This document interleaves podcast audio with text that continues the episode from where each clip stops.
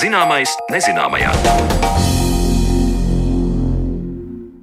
Esiet sveicināti raidījumā Zināmais nezināmajā. Ar jums kopā esmu Sandra Kropa, un šodien mēs pievēršamies Baltijas jūras vēsturē. Zviedrijā krasti atkāpjas, radot arvien jaunas kliņšainas saliņas, turpretī Latvijā jūra apēd krastu.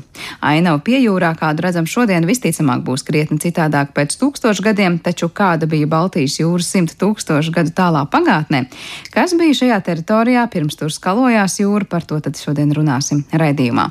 Bet pirms pievēršamies jūras vēsturei, iepazīsim to, kā cilvēki vēsturē pie jūra izmantojuši rekreācijai un ārstniecībai.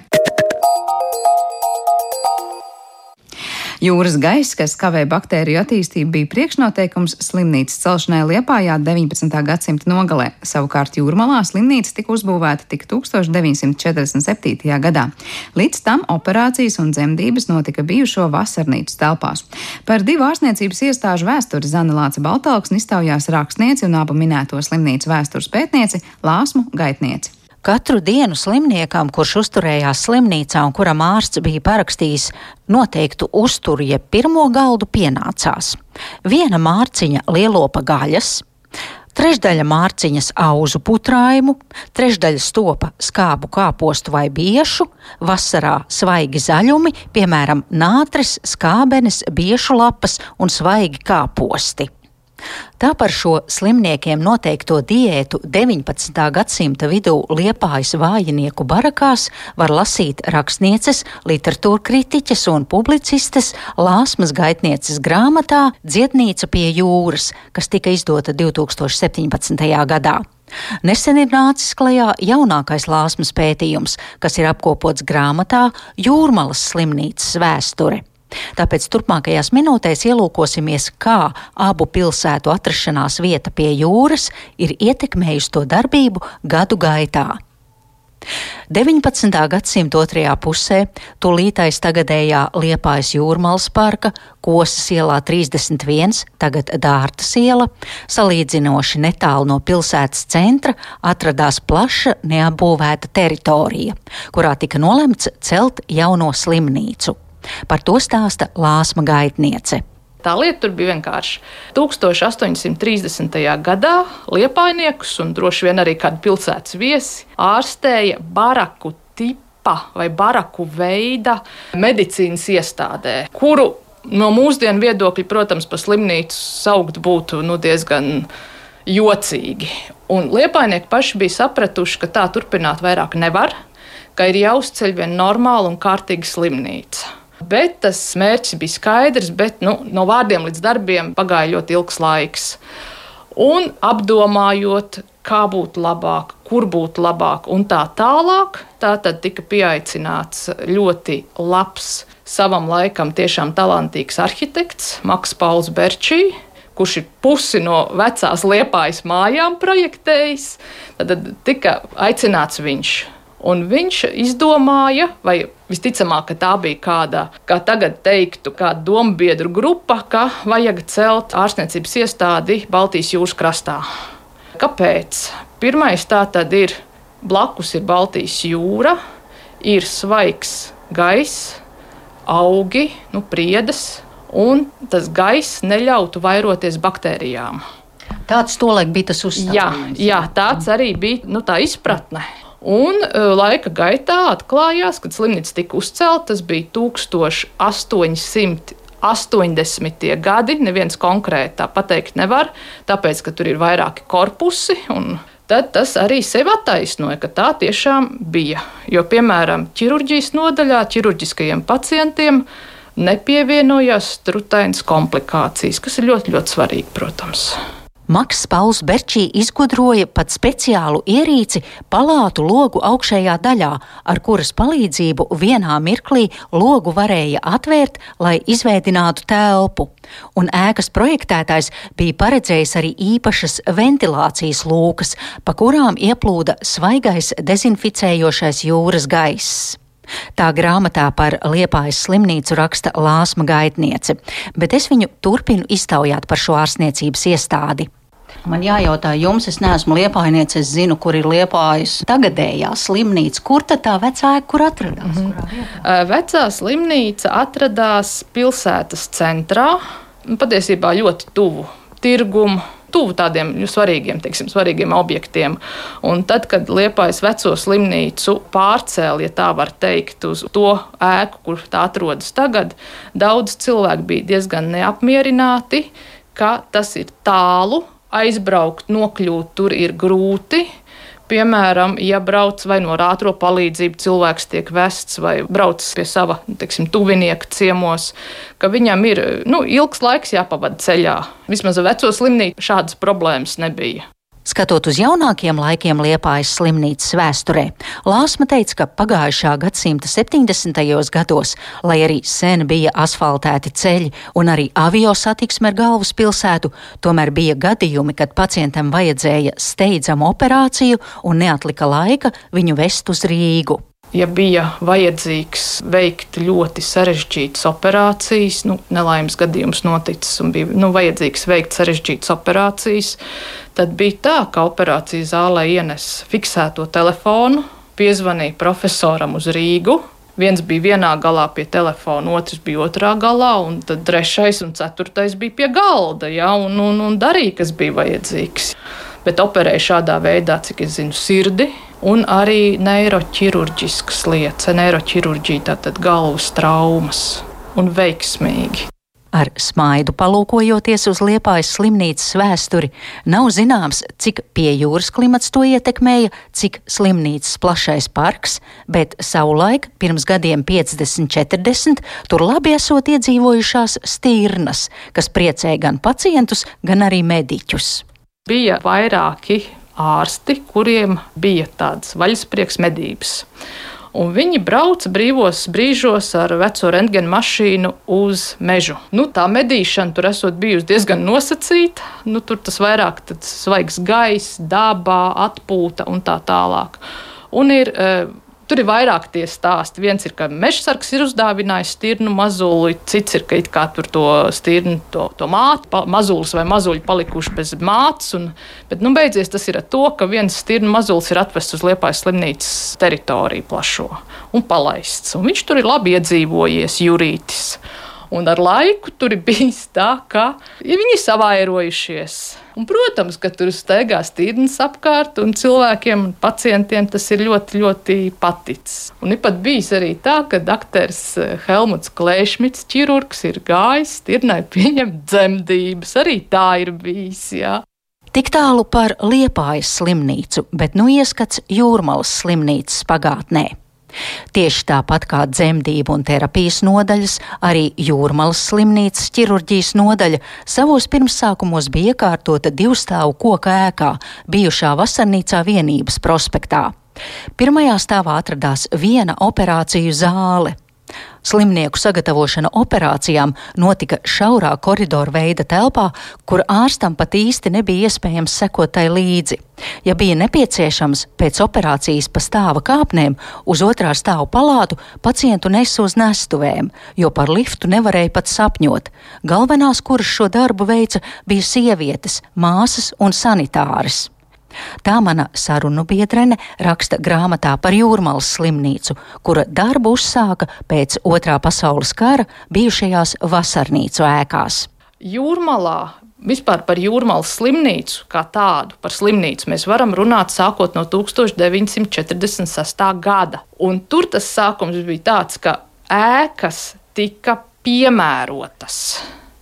Un tas ir tā, ka teiksim, mums ir vasarnīca, kur iepriekš ir dzīvojuši, piemēram, Petersona dzimta. Tur tādā, kaut arī tā ēka ir plaša. Izveidot, pielāgot slimnīcas vajadzībām, tā ir vispār neiespējamā misija. Tur daudz vieglāk būtu kādu skolu ierīkot, ja, bet ne jau ārstniecības iestādi. Un tā arī pārējās pārsvarā tās bija bijušās vasarnīcas.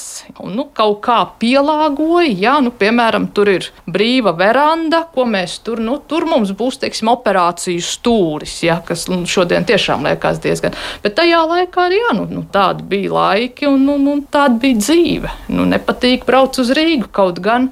Ir tā, ka jūrmālas iedzīvotājiem, kas man arī bija pārsteigums, Piemēram, nu, Jūrmāla ir slavena ar savu dzemdību klīniku. Kāpēc? Ne jau tās ēkas, bet tur bija augsta līmeņa ārsti.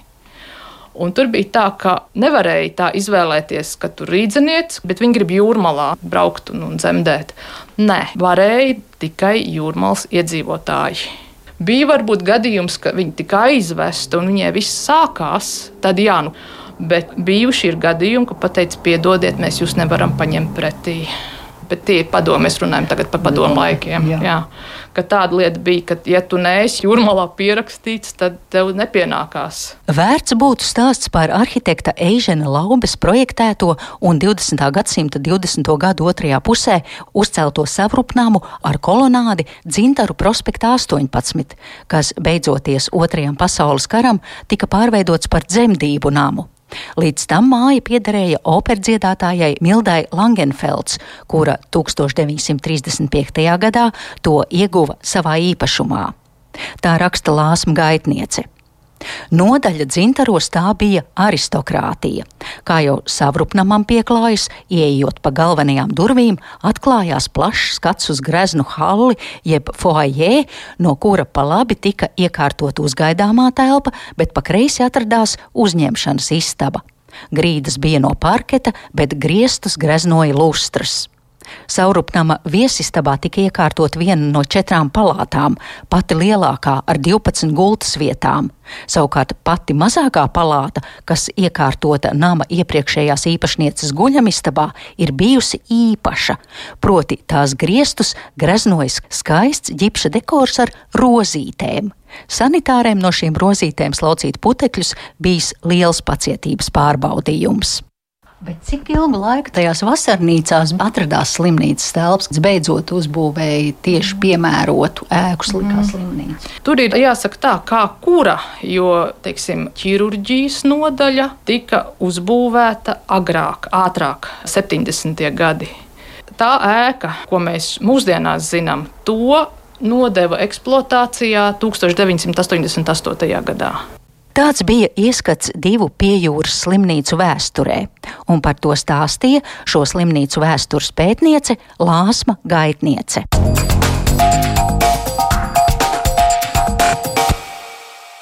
Par slimnīcām un ārstēšanos pie jūrā dzirdējām Zanes Lācis Baltalksnes sižetu, bet turpmākajās minūtēs dosimies tālāk pagātnē, kad Baltijas jūras vietā skalojās senu upju krasti.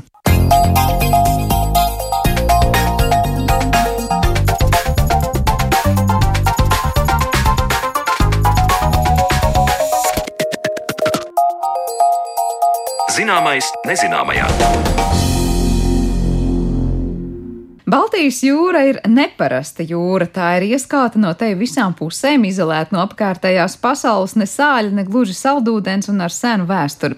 Kā tā ir radusies, kas bija Baltijas jūras teritorijā pirms pašas jūras un kā tās krasti mainījušies laika gaitā, par to visu turpmākajās minūtēs runāsim ar mūsu studijas viešņu Latvijas Universitātes Geogrāfijas un Zemes zinātņu fakultātes vadošo pētnieci un geogrāfijas zinātņu doktori Laimdot Kalniņu. Labdien! Labdien! Es zinu, Laimdot, ka jums pašai Baltijas jūra jūras vēstures jautājumi ir ļoti aktuāli pētniecības jūsu dzīvē, bijuši jau no pašiem pašiem sākumiem.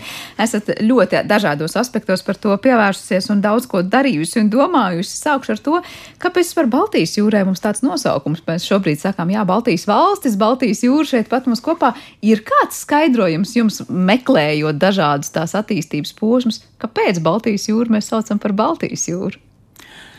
Nu, tādu skaidrojumu, kāpēc tieši par Baltijas jūru nosaukt, ir vairākas versijas. Ka viņa izskatās vairāk balta, neteiksim, melna kā melnā jūra vai, vai arī netik zila. Bet nu, pirmsākumu, kur mēs redzam senajās kartēs, ir Baltika mare. Grūti pateikt, ko toreiz šo seno karšu veidotāji, ko viņi ir domājuši, un tie senie jūrnieki, ko viņi domājuši. Nu, laikam tāpēc, ka viņi tiešām ir laikam balta, jo viņi nav tik dziļa jūra. Varbūt, kad arī vairāk tās nav tās debesis, nav bijušas tik zilas, viņas ir bijušas varbūt vairāk mākoņais, un viņi izskatīsies baltāk. Nu, tas varētu būt noskaidrojums, bet, protams, ka tas ir pieņēmums. Jā, versijas droši vien ir dažādas. Es zinu, ka parasti meklējot vārdu izcelsmi, arī mēs aizējam ļoti dažādos ceļos un neceļos. Es nezinu, cik tas ir pamatoti, bet uh, grieķu valodas pratēji arī bieži vien runā par to, ka valtus ir purvs un varbūt ar Valtikija, Baltija ir saistīta ar purvainām vietām Baltijas valstīs. Jūs arī purvus esat pētījusi, vai jūs, prāt, tam varētu būt saistība ar to, ka jūra, kas ir tādā, nu, purvainā krastā? Nu, grūti, grūti pateikt, jo es domāju, ka tas nosaukums tomēr nācis nevis no iekšzemes cilvēkiem, kuri pa purviem briduši, bet drīzāk no, no jūrniekiem tomēr. Ja? Tāpēc es, es liecos vairāk uz to pirmo variantu, ja tā jūra tiešām vairāk balti izskatās. Uh, puri, protams, ir gar, gar krastu, gar mūsu krastu, ja teiksim, Baltijas jūras dienvidu krastu ir, ir, ir bagāta ar purviem, ja kamēr ap savukārt, ja mēs skatāmies uz, uz skandināvu pusi, ja, tad tur puru praktiski lielākajā daļā nekāda nav. Tur ir klintis, būtu jāsās pa klinšu jūru.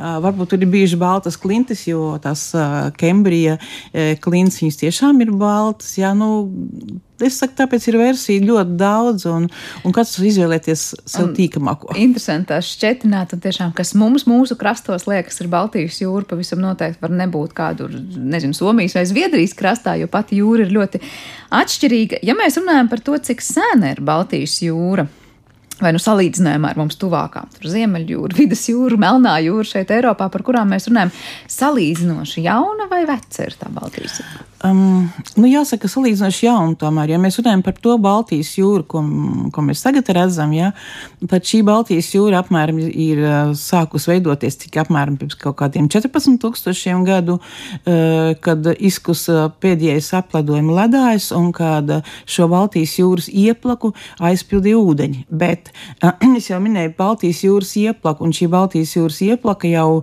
ir bijusi pirms um, vairākiem varētu teikt, pat miljoniem gadu, bet ir sevišķi ir tieši pēdējiem um, vienu miljonu gadiem, ja, kad starpledus laikmetos šeit bija tā, tāda e, Baltijas jūras ieplakā, bija citas jūras, un to bija tāda viena senākā jūra, ir, ko saucam par Holsteins jūru, arī kas aizņem Baltijas jūras ieplaku, uh, bet tās tā jūra ir bijusi vēsāka un arī diezgan sāļa, jo viņai tā saikna ar, ar atkal piegulošo Ziemeļjūru ir bijis daudz plašāk nekā šī, teikt, Baltijas jūrai, mūsdienu Baltijas jūrai.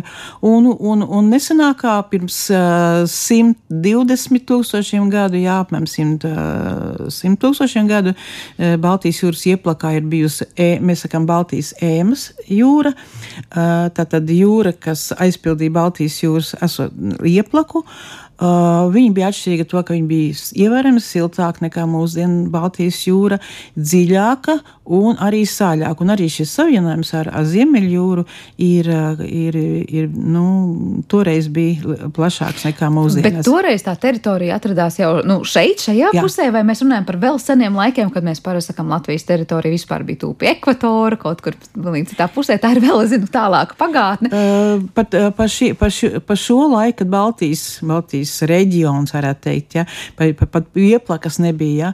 Ja. Jā, viņa bija, tas bija Devona laika, laikā, un tas ir pirms 360, 400 miljoniem gadu, ja, tā kā senā pagātnē. Nē, tajā laikā, kad sāk veidoties Baltijas jūras ieplaka, mēs jau bijām praktiski uz vietas, ja, šeit tad, tad ziemeļu puslodē savā vietā, kur, kur, kur ir jābūt jau, un, Un, un tāpat tad, tad, nu, viss, teiksim, bija izmaiņas, ja laika gaitā bija, jo sākotnēji, sākotnēji Baltijas jūras ieplakā nebija jūra pirms apmēram desmit miljoniem gadu. Jā. Šeit bija Eridānas ezeru upju sistēma, ja, kas to zemāko to ieplaku, ja, tad pa kuru plū, tās upes plūda caur tiem ezeriem un plūda uz Ziemeļjūru. Uh, un vēlāk tektonisko procesu rezultātā tātad, uh, notika izmaiņas, ja, un izveidoja šī Baltijas, jūra iep, iep, Baltijas jūras ieplaka nu, līdzīgi tai, kāda tā mēs šodien redzam. Protams, ka viņi ir mainījusies. Un, uh, Veicot tādus pētījumus, uh, nu, tuvākā, protams, arī pēc konfigurācijas uh, ir bijusi šī iepriekšējā uh, Baltijas jūra, Ēmas jūra. Eh, bet, nu, jāsaka tā, ka tas arī mēs tā varam teikt, tāpēc arī, ka mums ir vairāk pētījumu, un šīs jūras teritorijai pāri ir gājis tikai viens Skandināvijas aplēdojums, tad viņš ir drusku uh, mazāk pārveidojis šo, šo teritoriju, un līdz ar to mēs arī varam ieraudzīt šīs līdzības. Bet, kā jau minēju, līmenis bija augstāks, jūra bija sāļāka, siltāka. Bet izklausās tiešām kaut kāds nu, tāds apmēram mūsdienu vidus jūras raksturojums. Vai var teikt, ka toreiz tā ēmas jūra, kas te ir bijusi, un arī tas klimats, kas apkārt bija tai jūrai, bija tāds krietni siltāks un patīkamāks, vai tas, ko mēs šobrīd vairāk saistām ar dienvidu krastiem? Mm. Grūti, tā tieši precīzi salīdzināt, ir salīdzinoši grūti, bet tas, ka Baltijas jūras krastos ir, Ēmas jūras krastos yeah. ir bija plaši izplatīti platlapju meži, kādu šobrīd nav, teiksim, šobrīd mums, teiksim, ir vairāk tomēr, ir sevišķi ziemeļu pusē un arī, un aus, austrumu pusē ir skujkoku meži. Tas ir viens, otrs arī, arī pēc uh, dažādiem nogulumu pētījumiem, ja gan, gan foramnīferas, gan diatomējas liecina par to, ka ir bijuši siltāki apstākļi. Kas? Tās ir mazas aļģes, ieskaidro. Uh, jā, tas, nu, diatomējas, tad tās ir kramaļģes, ma mazas aļģītes, foraminīfers, tāda maza dzīvnieciņa, izskatās pēc ledenītēm, ļoti skaisti. Tad, tad tie visi apdzīvoja Eimas jūru laikā, kad bija tad, platlapju meži krastos, un tā ainava bija pavisam, pavisam cita. Pirms mēs ķeramies klāt tam, kādi ir tie Baltijas jūras lielākie attīstības posmi un ko mēs kur varam redzēt un kā tas izskatījās, liekas, nu, prātam neaptveram, ka pētnieki var šobrīd pateikt, kāda bija ēmas jūra, kur tā atradās un kādos krastos bija kādas ainavas. Kur ir tās, es nezinu, vietas vai tās laikmeta liecības, kur pētniekam var atklāt šo ainavu? Nu, Galvenokārt šīs liecības ir atklātas veicot geoloģisko izpēti, tātad urpšanu, gan, gan tieši ar tā fiziskā urpšanu, gan arī geofizikālās metodas, ja, kurās ir konstatēti šie Uh, organisko, vie, organisko vielu, sat, jeb organisko atlieku sat, saturošie nogulumi, un šie nogulumi ir, teikt, tad, viņi ir izcelti, viņi ir pētīti, pētīti ar dažādām metodēm, un, un tieši no šiem te tačajos nogulumos atrastās liecības mums ļauj spriest par to, kur, kur kādi ir bijuši apstākļi, un, un arī, teiksim, vairāk vai mazāk tomēr atrast arī tos krastus izpētīt, jā, jo piemēram, Mēmas jūras nu, krasti ir bijuši acīm redzot apmēram 25 metru augstāk nekā, nekā mū, mūsdienu. Bet geogrāfiski arī tad šobrīd tie būtu vairāk tā kā iekšzemē mums kaut kur atrodami? Nē, nu, viņi, līdz ar, viņi arī ir piekrastē, jā, bet nu kaut kādus apmēram vai, pat līdz kādiem kilometriem tā, no attālu no, no, no krasta, jā, kur ir veikta urbumu un atrast šie nogulumi. Tālāk arī nav, jo tad jau uh, sākās šie, šie smilšainie nogulumi un gan seno kāpu nogulumi, gan arī uh, dažādu ledāju un kušanas ūdeņu smiltis, gan nu, eolās smiltis, to dažādi. Jā. Nē, to var diezgan labi nokontrolēt, bet tas ir pateicoties tam, ka savā laikā ir bijis ļoti plaša ģeoloģiskā izpēte, nu, kartēšana bijusi ir, jā, un šīs kartēšanas rezultātā bija ļoti detāli pētījumi, jo mm, bija, tas bija pasūtījums no, no tāpat aizsardzības, PSRS aizsardzības ministrijas, pētījumi, teiksim, bija ļoti plaši, un, un tas arī ļauj, teiksim, gan veikt kont, kontūrēt, gan arī uh, sastādīt kartes, ir, ir vairākas kartes atrodamas arī, um, kas ir, nu, uh, pēc šā, šiem datiem sastādīts gan, gan Latvijā, gan, gan arī pārējās Baltijas, Baltijas jūras valstīs, un arī Polijā un, un, un, un um, Vācijā. Uh, uh, nu, savukārt Zviedrijā ir tie, pa cik tur notiek krastu celšanās, un, un, un tur šos robežas īsti nevar no viņiem nu, noteikti, jā, tur šīs robežas nav tik precīzi noteikts. Viņ, viņiem ir atrasts arī, šie ēmas jūras nogulumi ir atrasts arī iekšzemē, jā. Un, protams, ka viņiem arī līdzīgi ir atrasts, teiksim, Zviedrijas tātad dienvidu rietumos, kuras tie apstākļi un nogulumi ir līdzīgi kā, kā mūsu krastā. Katrā gadījumā tas liek domāt, ka ēmas jūras krasti bija nu, tikpat plata kā šobrīd un augsta, vai tā augstumā un platumā skatāmies kartē Baltijas jūru, vēl pat vairāk tāda bija tā ēmas jūra, un var teikt, tur, kur šobrīd ir Baltijas jūra, tā ēmas jūra tiešām ir bijusi. Kāpēc pēc tam, kad mēs runājam par Baltijas jūras attīstības stadijām, mēs vienmēr sākam ar, ar šo ledus ezeru, tad pēc tam mēs piesaucam gan Jaudijas jūru, gan Liturīnas jūru un ko tik vēl nē. Šo ēmas jūru mēs nesaucam par Baltijas jūras nu, pirmo stadiju. Kas nošķīra to ēmas jūras laiku no tā pirmā ledus ezera laika? Laika ziņā tā starpība ir diezgan ievērojama. Tad, apmēram pirms 100 tūkstošiem gadiem, vai nu, varbūt 95 tūkstošiem gadu apmēram, beidz eksistēt šī ēmas jūra, jo sākās apledojums. Skandināvijā sāk uzkrāties ledājs, un tas ledājs auga biezumā un slīdēja uz Baltijas jūras pusi. Pie tam arī Ēmas jūras beigu posmā, um, nu, mēs arī bieži vien saucam viņu par um, Boreālo jūru, tas jūra jau, kad šis posms jau paliek vēsāks, kad ir stipri au, augstāks un, un temperatūras ir zemākas, jā, jo nu, tas ledājs tomēr tur veidojās arī Skandināvijā. Un vēl tāda interesanta lieta, kad uh, kaut kurā posmā uh, nu, Ēmas jūras laikā un, un arī šeit Boreālās jūras laikā uh, ir ir versijas, ja, kad um, Baltijas jūra ir bijusi saistīta ar Balto jūru, tad, tad pat aizsno pēc tam uz Ziemeļledus okeānu. Un Skandināvija ir bijusi nevis pussala, kā mēs tur šobrīd esam, bet sala. Ja. Nu, daudz zinātnieku tam piekrīt, vēl arī daudz kam nepiekrīt, ja, uh, jo arī veikt šie pētījumi, kas varētu liecināt ka, gan par to, ka bija šī saikne. Eh, bet eh, tās problēmas rada tas eh, glacio izostatiskā celšanās. Tas nozīmē, ka bija apledojums, ja tad šī vieta bija, teiksim, viņas bija, nu, labi, trīs kilometri biezs ledājs, kas to, ze, to zemi bija saspiedis, jo zemes tā virsjā daļa, viņu kā, viņi nav kā dzels, viņi ir kā bumba, ka viņi var iespiest, ja, un pēc tam, te, kad šis, nu, ledājs izkūst, tad viņi tā ieņem atkal savu stāvokli, bet, nu, mēs teikt, iepriekšējo stāvokli, bet nu, tā gluži nav iepriekšējais, nav iepriekš mazliet ir savādāk. Un tas arī nojauc tās pēdas, ja, lai mēs saprastu, vai tā tiešām bija vai nebija. Tā ir tā, tā, ir tā zināmā problēma. Bet sanāk tā, ka patiesībā mainījās ļoti izteikti vispār apstākļi. Var teikt, nu, tas ledus sāka šeit veidoties, var teikt, iestājas tas ledus laikmets. Jā, tāpēc, ap, jā, jā, jā, pa, jā. patiesībā Baltijas jūras tādi nu, pirmie soļi tiešām ir uzskatām ar to Baltijas ledus ezeru laiku, un tā ēmas jūra ir vienkārši nu, tāda priekštece, kas geogrāfiski pirms simt tūkstošiem gadu, jā, jā un kas... pa vidu pat par Baltiju. Ēmas jūra no Baltijas, mūsdienu Baltijas jūras viss šķir apmēram 95 tūkstoši gadu, kuru laikā bija, bija šis te apledojums, kas arī, arī apledojums tā laikā pēdējais, ja mēs sakām, vislas apledojums, uh, viņš arī bija tāds, kad viņš uh, uzkrājās vairāk, biezāks leduslāns, tad bija atkal klimats drusku siltāks, viņš atkal kusa. Tās klimatiskās fluktuācijas vienmēr ir bijušas, un, un arī, arī apledojuma laikā viņas ir diezgan ievērojamas. Jā, nu tas apledojuma laiks, kā jūs teicāt, nu ir arī ievērojams gadu skaita ziņā, lai tur notiktu dažādas lietas. Runājot par to Baltijas jūras slavenajām stadijām, ko mācīja jau skolā un raksta Wikipēdijā un daudz kur citur.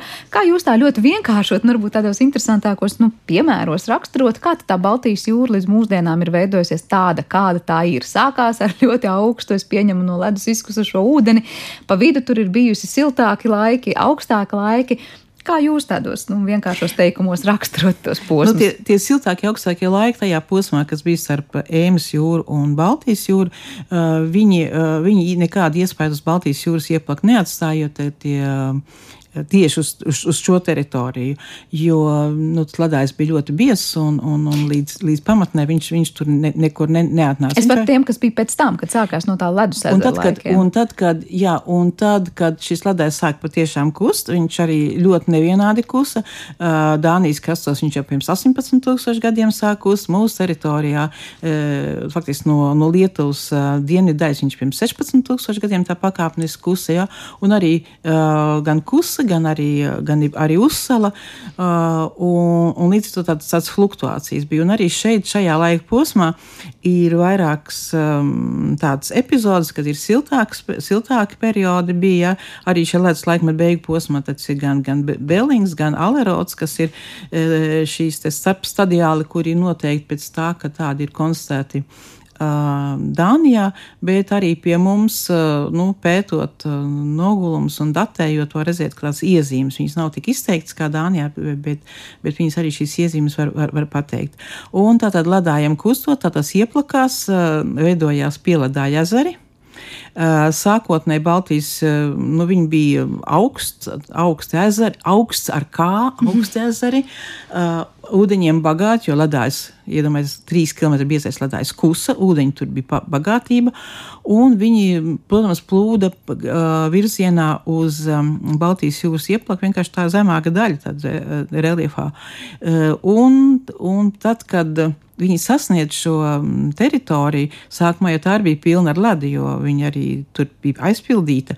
Tā, bet viņi izkausēja arī šie ūdeņi, faktiski viņiem bija nedaudz mm, siltāki nekā, nekā ledus, tad viņi to ledu kausēja ja, un izkausēja, un tik līdz viņi izkausēja kādu teritoriju tā ieplakā, tā viņi plūda iekšā, un, un tad mēs no, no tā laika, ja viņi ieplūst, šie pieledā ezera ūdeņi ieplūst um, Baltijas jūras ieplakā, mēs varam runāt par Baltijas ledus ezeru.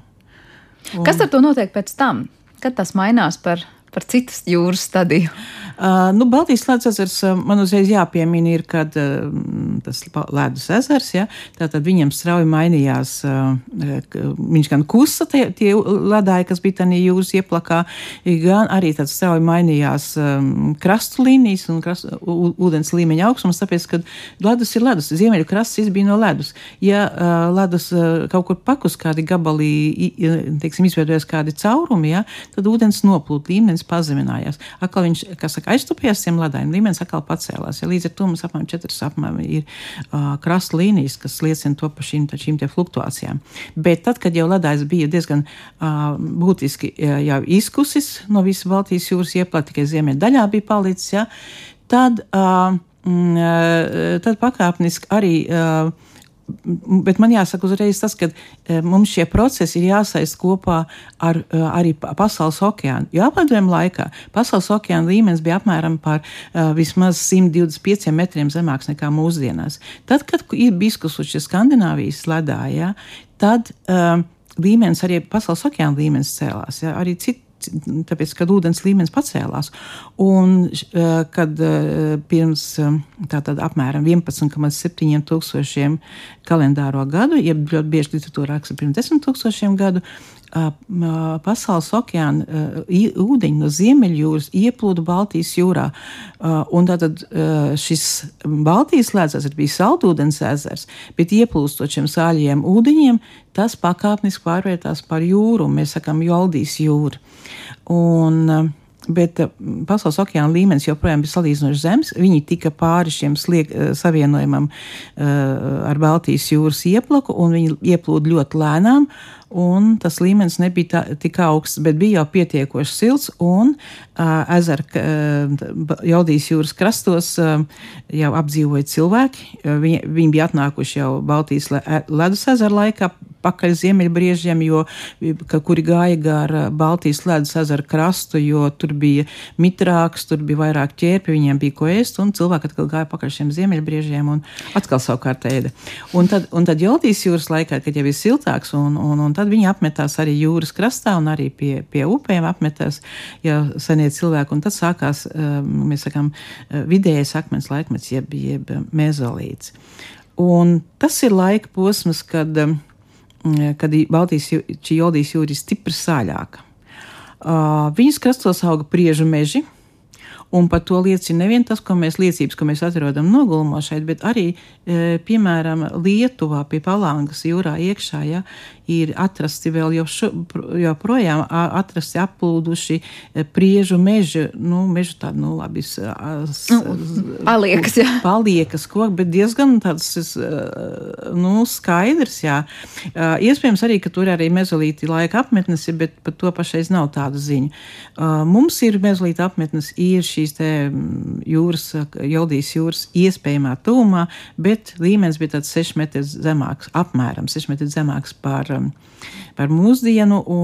Tad, tad, nu, vai teikt, šobrīd tas ir zem jūras uh, ja kaut kas ūdens, saka, ja, ja, ja jūra nav viņu erodējusi, tad viņš ir zem ūdens, jā, bet, nu, te diezgan daudz izteikti eroziju. Nu, lūk, un tad, un tad sākās tas posms, kas visu laiku rada um, problēmas arī, uh, lai noteikti vai um, bijusi saikni Baltijas ēmas jūrai ar, ar Balto jūru, ir šī um, nu, glaciozastāze, jeb uh, nu, celšanās, ja zemes virsmas celšanās. Un viņi uzreiz nereaģēja, bet tad vienā brīdī viņi izdomāja, ah, tagad ledājs ir uzkus, izkusis, uh, tas svars ir nost, tagad mēs varam pacelties. Un šī pacelšanās ir vairāk visā teritorijā, vairāk vai mazāk dienvidu, nu, um, Baltijas jūras dienvidu krastā, bet tad viņi arī tajā te teritorijā, kas savienojumā ar um, ar Ziemeļjūru. Un lūk, šeit bija tas, tas notikums, ka tie pacelšanās notika pietiekoši augsts, ka tie pasaules okeāna ūdeņi vēl nebija tik augstu, tas līmenis vēl nebija tik augsts, ka viņi varētu plūst pāri arī tiem tām krāsēm, kas bija pacēlušās tajā laikā. Un tad Baltijas jūras ieplakā izveidojās Ancils ezers, atkal ezers, ja, tad atkal saldūdens baseins. Bet nevis tik augsts eh, un skarbs. Nu, viņš, bija diezgan, viņš bija diezgan salīdzinoši vēss, augsts arī, ja, bet nu, ne tik kā pieledāja ūdeņiem. Ja. Starpība mm, tur varbūt liela grādos nav, bet nu, tomēr, jo, jo tas to siltumu radīja tas, ka bija šīs upes no dienvidiem. Viņas nesa iekšā tajā Ancils ezera, ne, nesa iekšā, tiksim, gan, gan auga atlieks, gan arī siltākus ūdeņus. Nu, tā, tā, tā, tā Bet sanāk, ka Ancils ezera laikā mēs atkal varam runāt par izteikti saldūdens ūdens tiltu. Tas ir izteikti saldūdens basēns, jo viņš, ja viņš sākumā viņš varbūt vēl bija kāds iesāļš, jā, bet viņš pakāpeniski atsāļojās, un šeit varbūt netik daudz ledāja kuršanas ūdeņiem, nu drusku jau kusa vēl Skandināvijā, mm. kaut kas jau drusku bija palicis, jā. Bet Bet tieši tie, ka upes nes lielās upes, Daugava, vis, Vislā, um, visas mūsu Latvijas upes, jā, visas arī ņevas, starp citu, jā, ļoti daudz ienes, ienes saldūdeņus, un līdz ar to tas basēns atsāļojās. Tad atkal Baltijas jūras neizbēgamā stadijā saldūdens, ūdenskrātuve, ezers, kas lika Ancelas ezeram pārtapt atkal par Litorīnas jūru, kas sekoja pēc tam. Nu, tas ir atkal saistīts ar Pasaules okeānu. Tātad, um, Tas notika tad, kad uh, faktiski jau tuvojās klimatiskais optimums, uh, kad um, ledāji bija izkusuši visi, nu, ne, gan šeit Skandināvijas, gan arī uh, tie bija arī Britu salās ledājs biskus, bija biskus arī citi pasaules um, um, ziemeļa nu, puslodes ledāji. Arī, arī dienvidu puslodes faktiski bija izkusuši, ja, un vairāk vai mazāk, un līdz ar to pasaules okeāna līmenis cēlās. Un tas līmenis, tas pasaules okeāna līmenis sasniedz tādu augstumu, ka viņš varēja tagad plūst pāri šīm krācēm. Un tad mums ir izveidojušies šie šaurumi. Patiesībā pateicoties pasaules okeāna celšanās, nu, līmeņa celšanai, līmeņa celšanai jā, mēs tikām pie ledāju, jā, un ledāju kušanai, uh, izkušanai. Bet ir vēl viens interesants moments, uh, kas. Um, par, par ko varbūt ir vērts pastāstīt, ka šai laikā e, tieši, kad sākās Litorīnas jūra, tieši pašā pirmsākumos, vai arī Ansijas laika beigās, bet apmēram to periodu pirms 8200 gadiem, uh, ir ģeoloģitātes notikums, mēs arī saucam viņu notikums 8200.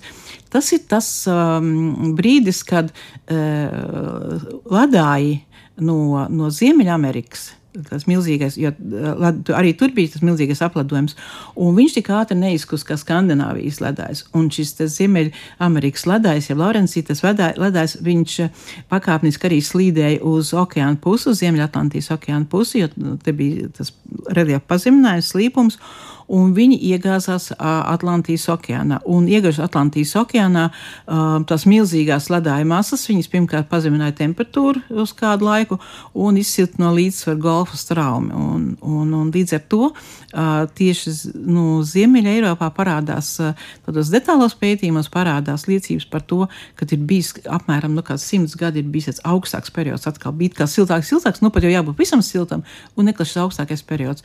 Nu, bet pēc tam arī tas diezgan diezgan ātri tie ūdeņi sasila, golfs rām atgriezās savā vietā. Un, un mums sākās šis siltais klimatiskais optimums un Litorīnas jūra. Un Litorīnas jūra tad, tad bija apmēram atkal atkarībā no šīs glāzes izvestas pacelšanās, dažādās vietās viņa bija drusku augstāk vai zemāk, bet apmēram vidēji apmēram 6 metri augstāk pa mūsdienu, pa mūsdienu līmeni. Ūdens sāļuma un temperatūra ziņā tā atkal bija siltāka, sāļāka. Jā, jā? siltāk un sāļāk. Un galvenais, kas ir svarīgi, viņa, viņa, pat cik šis augstākais līmenis, ja, bet ja mēs skatāmies mūsu piekrasts, ja viņi salīdzinoši zemi ir, ja, tad šī piekrasts tika diezgan tādas ieplaks un zemākas vietas tika apludinātas. Un tad, tad arī Litorīnas jūra tad aizņem plašāku teritoriju nekā mūsdienu Baltijas jūra. Un, un pēc tam, kad līmenis pazeminājās, tad tad šīs te, nu, teritorijas, kas bija apludinātas, salīdzinoši, kas bija Litorīnas jūras lagūnas, viņas atdalījās no, no šī Litorīnas jūras un viņas izveidojās, atkal viņas kļuva, tagad šīs lagūnas, viņas pakāpeniski kļuva par saldūdens basēniem, ja viņiem jūras ūdens maz pieplūda vai nemaz nepieplūda, varbūt vētra laikā tur kaut ko. Bet tie ir mūsdienu pie jūras ezeri, joprojām Litorīnas jūras mantinieki. Ja? Pie jūras ezeri ir Litorīnas jūras mantinieki mantinieki, kur ir vēl saglabājušies, kur ir tie dziļākie, bet mēs zinām ļoti plašas teritorijas, tepat starp sloku un Rīgas piekrastē, kas ir vienkārši purvi. Ja? Arī šeit ir bijis šīs lagūnas, viņas ir pilnīgi aizaugušas, un, un, un, un, un tagad tur ir augstie purvi. Tas pats ir pie sārnats, šī plašā teritorija, kas ir absolūti pārporojušās, un, un tad ir aizauguši. Un tad, tad mums piekrasta purvi, kas ir piekrastē, viņas, viņi ir izveidojušies tieši uz šīs te, aizaugot Litorīnas jūras lagūnas lagūnām, tam seklājā, seklākajām. Un tie, kas mums ir saglabājušies, tie bijuši dziļākie un noturīgākie. Tie ezeri - Engurs ezers, Kaņieris, Liepais ezers, Liepais ezers, jā, Papis ezers, nu kā viņi tur, jā, nu tādi. Jā, interesants vietas, kurās skatīt šīs, var teikt, nu iztēlē skatīt šīs ainavas. Es zinu, ka arī jūs esat stāstījusi un rādījusi man arī pie Staldenes stāvkrasta, kā var skatīties nogulumošos dažādos Baltijas jūras attīstības līmeņus. Mūsu sarunai, diemžēl, drīz ir jāliek punkts. Es gribēju vēl pavisam noteikti paspēt jums uzdot divus jautājums, un tas pirmais būtu, kurā brīdī no Litorīnas jūras mēs tiekam pie tās Baltijas jūras, kāda tā ir tagad, kas tur noteica kaut kādu pārejas posmu? Tas ir salīdzinoši, salīdzinoši sarežģīts jautājums. Tādā ziņā, ka nu, pēc dažādu zinātnieku viedokļu šī pārēja nav ļoti krasa. Teiksim, ja? Un galvenokārt to pārēju nu, liecina par to gan nu, ūdens līmeņa pazemināšanās un eitrofikācija. Ja? Jo tagad visas šīs upes, kas savā laikā arī nes iekšā siltākos ūdeņus, tagad viņas ienes iekšā arī ļoti daudz organisko vielu, tātad arī, arī šo organisku piesārņojumu.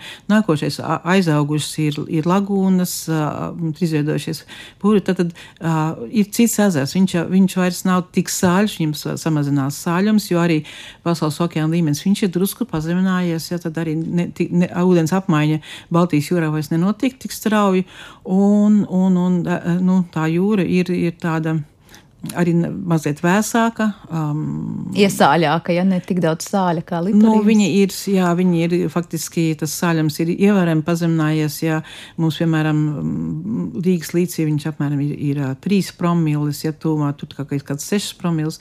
Nu, protams, tālāk uz, uz ziemeļūras puses tas, tas sāļums pieaug. Tā kā tie ir tie rādītāji tādi. Nu, var teikt, jā, vairāk. Sastāv rādītāji, piesārņojumi rādītāji, un, protams, tā ir cil, uh, antropogēnās ietekmes. Um, arī tāds rezultāts. Tad tas ir tas nākamais mans jautājums, pavisam loģisks turpinājums. Jūs atbildē, kāda jūsuprāt varētu būt Baltijas jūras nākotne, vai mēs runājam, ka tie, nu, nezinu, saldināšanās procesi turpināsies, un kas notiks tad, kad Baltijas jūra, nu, vēl, vēl kļūs vairāk bagāta ar saldūdeni un visām tām ieplūdēm no jūras un antropogēno ietekmi? Um. Tas, tas ir arī grūts jautājums īstenībā, ja, jo tā antropogēnā noslodze un tas viss, um, tas ir ļoti, ļoti sarežģīti ļoti daudz uh, dažādus procesus, uh, kas velk sev līdzi. Uh, vai paliks saldāk, saldūdens vairāk ieplūdīs, um, grūti pateikt, jo tas atkarīgs no nokašņu daudzuma, ja, cik upes varēs ienest iekšā, cik, ja paliks mitrāks, tad būs, bet ja paliks sausāks mums tas klimats, ja tad, tad šo ūdeņu nebūs, ar ko Baltijas jūrai jūrai baroties, viņi vēl vairāk varētu būt tādā, nu, ja tā eitrofikācija varētu vēl straujāk attīstīties. Jā. Aizaugt patiesībā. Aizaugt, jā. jā, un tāpat arī dažāds, šis dažādais, dažādais piesārņojums. Nu, protams, ja mēs ļoti tālā nākotnē skatāmies, tad, tad pēc 20 tūkstošiem gadu uz Skandināviju atkal veidosies apledojums un ledājs nāk šurp un nāks slīdēs uz Baltijas jūru un aizpildīs ledāju. Un... Atkal ledus ezers, jā nu, un jā, pēc, pēc kāda laika būs arī ledus ezers. Jā, nu, tas ir tā ļoti tālā nākotnē. Ļoti tālā nākotnē, un mēs, ja varam, vispār, jā, mēs varam minēt, ko pēc tam stāstīs atkal pēc daudziem tūkstošiem gadu, kādi citi atkal Baltijas jūras vēstures pētnieki. Varbūt šis būs tāds mazs posms atkal visā tajā teritorijas attīstības gaitā. Bet, Lemdot, liels paldies, ka atnācāt un pastāstījāt, es teiktu, mazu, mazu daļiņu no viss tā, ko mēs varam stāstīt par milzīgo Baltijas jūras vēsturi, jo tās katra attīstības stadija vien ir tā vērta par to runāt, par to runāt vairāk. Bet skaidrs ir viens process ir bijuši dažādi, mainījušies sāļāks ūdens, saldāks ūdens, siltāks, augstāks. Tas viss šeit ir bijis un neizpaliks arī nākotnē. Laimdot Kalniņa, tātad Latvijas Universitātes Geogrāfijas un Zemeszinātņu fakultātes vadošā pētniece, geogrāfijas zinātņu doktora, mums bija kopā šajā raidījuma pusstundā. Par šo raidījumu parūpējās producenta Paula Gulbinska, par mūziku gādāja Girds Bišs, Elizabete Šecāno bija skaņu režijā, es Sandra Kropa studijā. Mēs tiekamies jau pavisam drīz, lai mums visiem jauka un veiksmīga diena un visu labu!